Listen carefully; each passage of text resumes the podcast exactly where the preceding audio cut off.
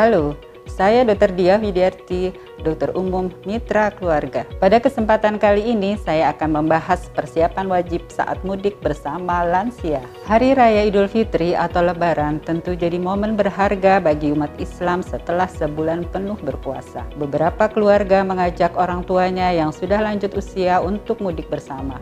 Namun hati-hati, jika tidak dijaga dengan baik, momen mudik lebaran justru bisa timbulkan penyakit. Agar perjalanan mudik bersama lansia tetap berjalan lancar, berikut beberapa tipsnya. 1. Lakukan medical check up untuk lansia yang akan mudik atau bepergian jauh. 2.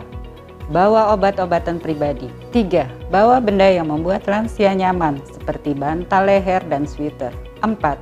Bawa cemilan sehat khususnya bagi lansia diabetes dan penderita MAH.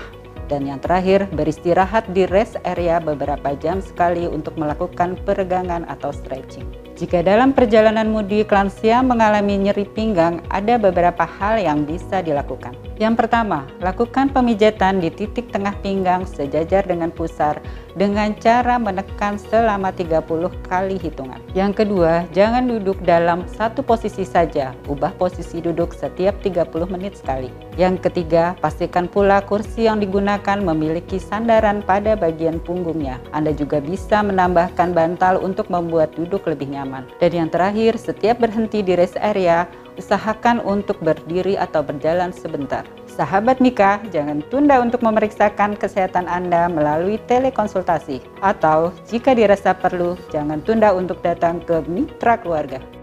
Mitra Keluarga, Life, Love, Laughter.